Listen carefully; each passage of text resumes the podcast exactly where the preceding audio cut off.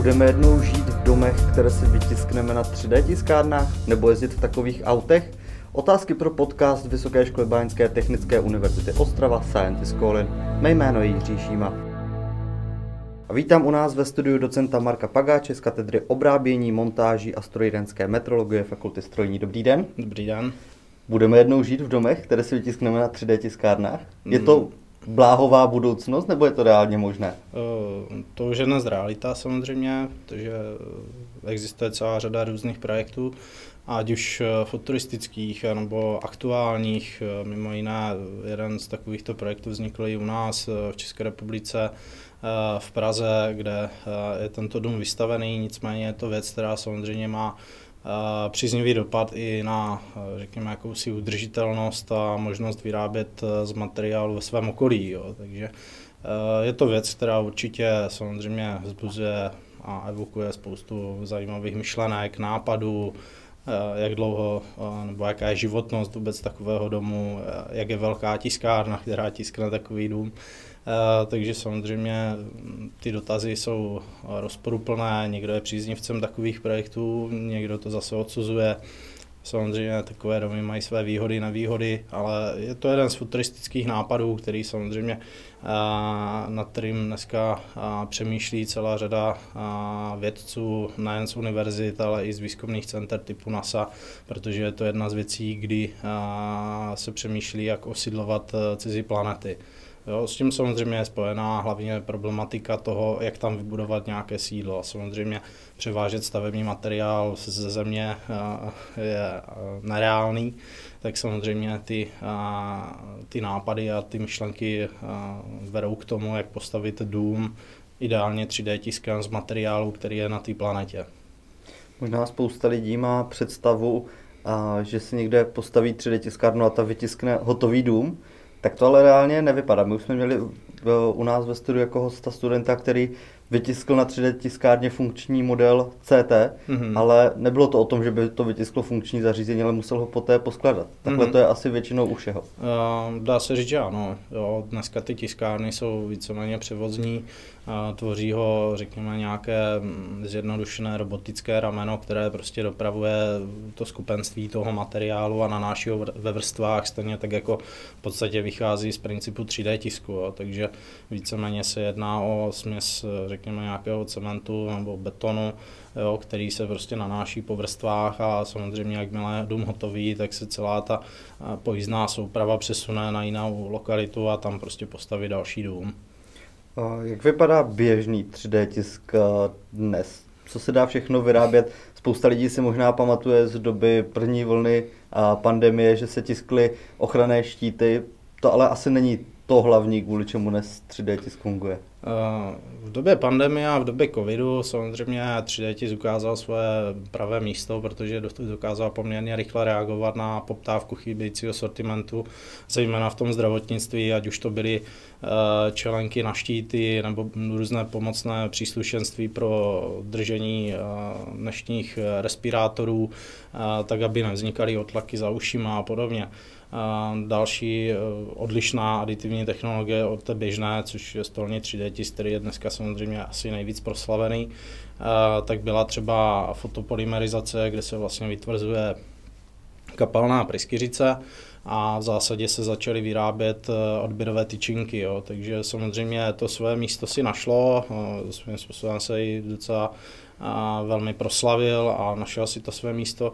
Jinak odpověď na tu otázku, co všechno se dá tisknout, tak samozřejmě v současné době tiskneme všechno, kam se podíváme. Jo.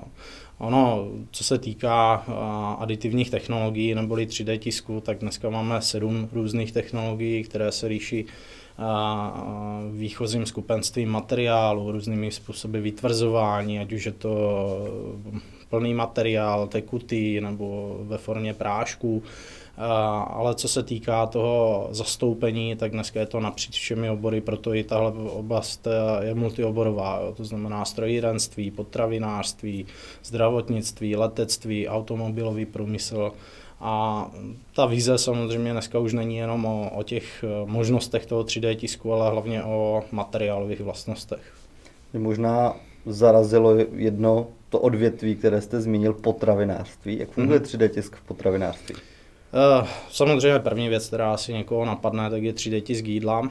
A je to, je to jedna věc, která zase má celou řadu odpůrců, nadšenců. Samozřejmě já bych určitě steak eh, z 3D tiskárny rád někdy ochutnal. A mimo jiné to jsou věci, kterými se sama, samozřejmě se zabývají různé skupiny vědců z univerzit. A ta věc tady je a má samozřejmě i své uplatnění. Zase trošičku budu směřovat třeba do toho vesmíru, a, a souvisí to i s jakousi udržitelností. Jo. Dneska pojem sustainability je velice důležitý, a, protože ono na té oběžné dráze nebo na cizí planetě si vytisknou nějaké jídlo nebo respektive vytisknout ho ze směsi a skupenství materiálu, který obsahuje veškeré důležité živiny na to, aby ten člověk přežil si myslím, že to dává smysl, to je jedna věc. Druhá věc, samozřejmě převážet tam tuny jídla, každý jídlo zabalený ve speciálním obalu a teď co s tím obalem budeme dělat, tak samozřejmě to asi dává smysl to mít prostě zabalený po 20 kg v jednom obalu, který je třeba ještě rozložitelný. Možná mě napadá, zmínili jsme spoustu věcí, co se dá vytvořit díky 3D tisku. Co všechno to je fyzicky, co už můžeme potkat a dá se to rozeznat například, pokud vezmeme vytisknout, vytisknutou koloběžku, dá hmm. se rozeznat od té běžné? Samozřejmě teď je otázkou, jak to samozřejmě ten tým konstruktérů uchopí.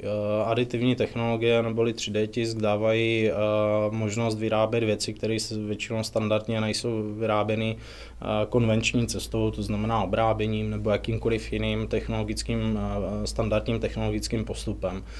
V tuhle chvíli třeba, když jste narazil na, kobelu, na koloběžku, tak my jsme tvůrci nebo můj kolektiv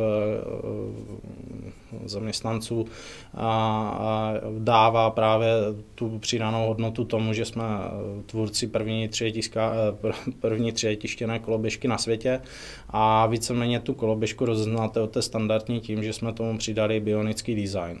Ten bionický design spočívá v tom, že v podstatě vycházíme z nějakého tvaru, který připomíná rostlinu nebo prostě bioniku a prostě ten design je atraktivní, přidanou hodnotou je jakási takzvaná topologická optimalizace, to znamená, že snižujeme váhu, a zatímco ponecháváme stejné okrajové podmínky a zatížení, to znamená i tady s tímhle futuristickým designem, ta koloběžka stále prostě uveze standardního člověka s proměrnou váhou.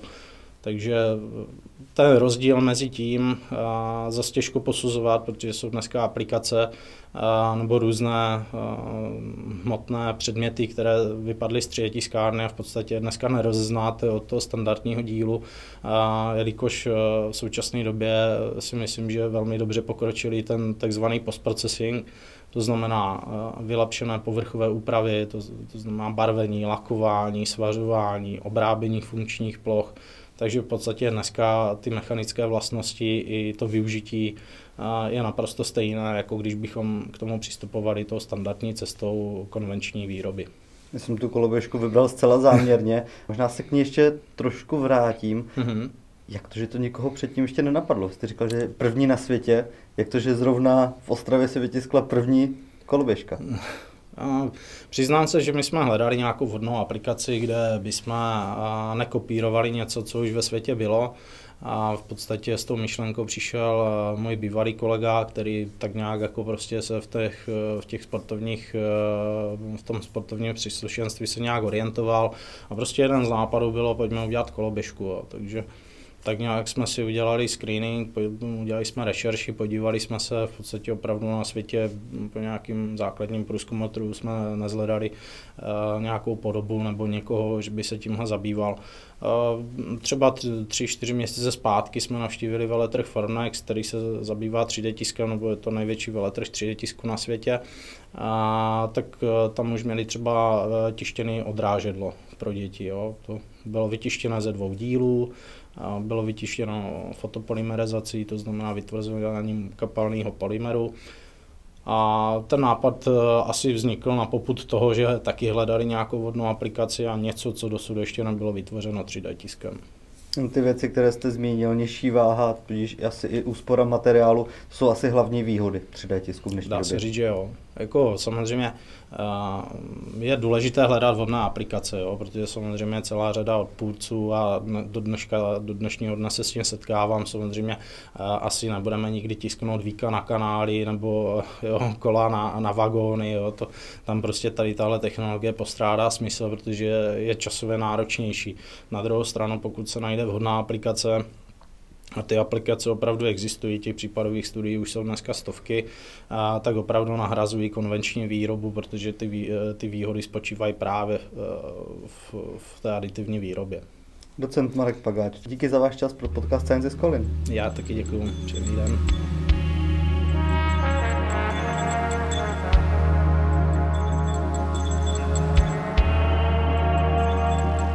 Pokud se vám tento podcast líbil, tak všechny další díly najdete na všech vašich podcastových aplikacích jako Apple Podcast nebo Spotify. Všechny díly najdete také na stránkách univerzity.